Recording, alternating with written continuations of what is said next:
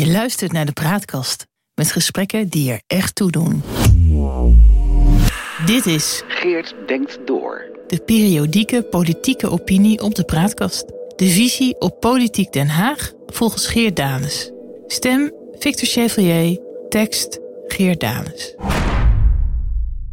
Schipholbaas Dick Benschop, oud Partij van de Arbeid staatssecretaris en oud Shell-directeur, en vanwege deze combinatie op voorhand al verdacht, zou vast een overschatte en overbetaalde fluim zijn. Hij verdient zo'n 600.000 euro of iets meer per jaar.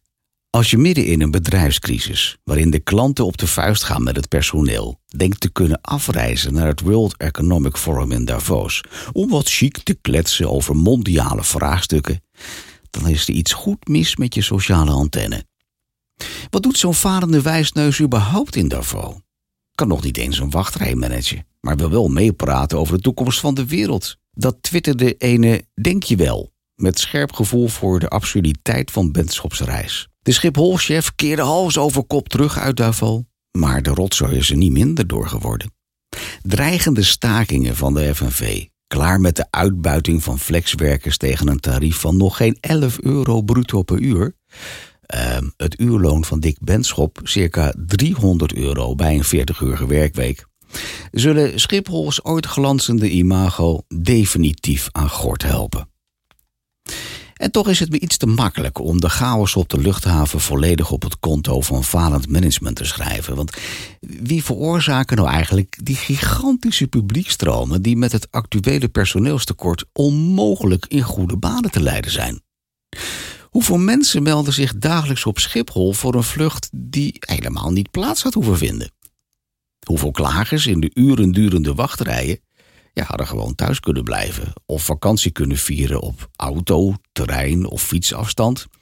In plaats van te boeken voor de wintersport of een all-inclusive reis naar Las Palmas, Ibiza of Curaçao. Op dit moment behandelt Schiphol dagelijks, dagelijks bijna 1300 vluchten. Niet minder dan 4,5 miljoen passagiers stelde de luchthaven in april 2022. En die cijfers betreffen zakelijke reizigers, toeristen en cargo bij elkaar. Het exacte aandeel van de toeristische reiziger is wat moeilijk vast te stellen omdat het dwars door het zakelijk verkeer heen loopt. Het leidt geen twijfel dat het een substantieel deel van de reisbeweging uitmaakt. Ik kom vaak op Schiphol.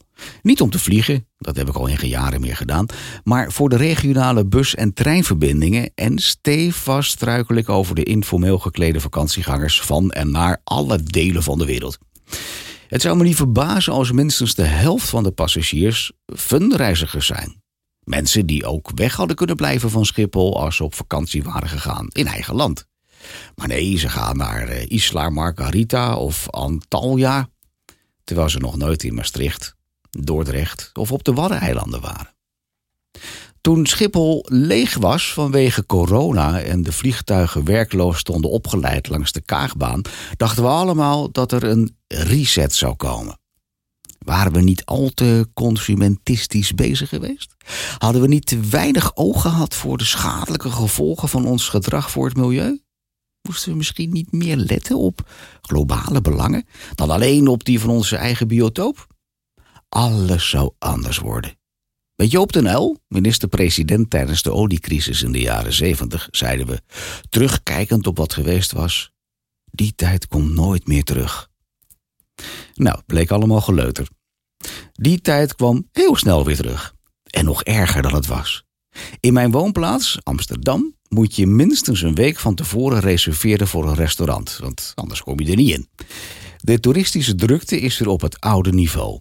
De winkels puilen uit, terrassen zitten vol, trams kunnen de hoeveelheid passagiers amper aan. En iedereen moet en zal naar Schiphol om de hele wereld over te vliegen. Zoals de hele wereld ook weer Schiphol rondschokt, omdat ze zo nodig naar Amsterdam moeten. Ja, kijkend naar de chaotische tafereelen op de luchthaven en de klagende reizigers, kan ik me een gevoel van eigen schuld, dikke bult niet onderdrukken. Op directeur Binschop is vast veel aan te merken, maar misschien kunnen die klagers in de wachtrij ook de hand in eigen boezem steken? Want wat moest je daar eigenlijk? Was getekend Geert Danes, 25 mei 2022. De praatkast.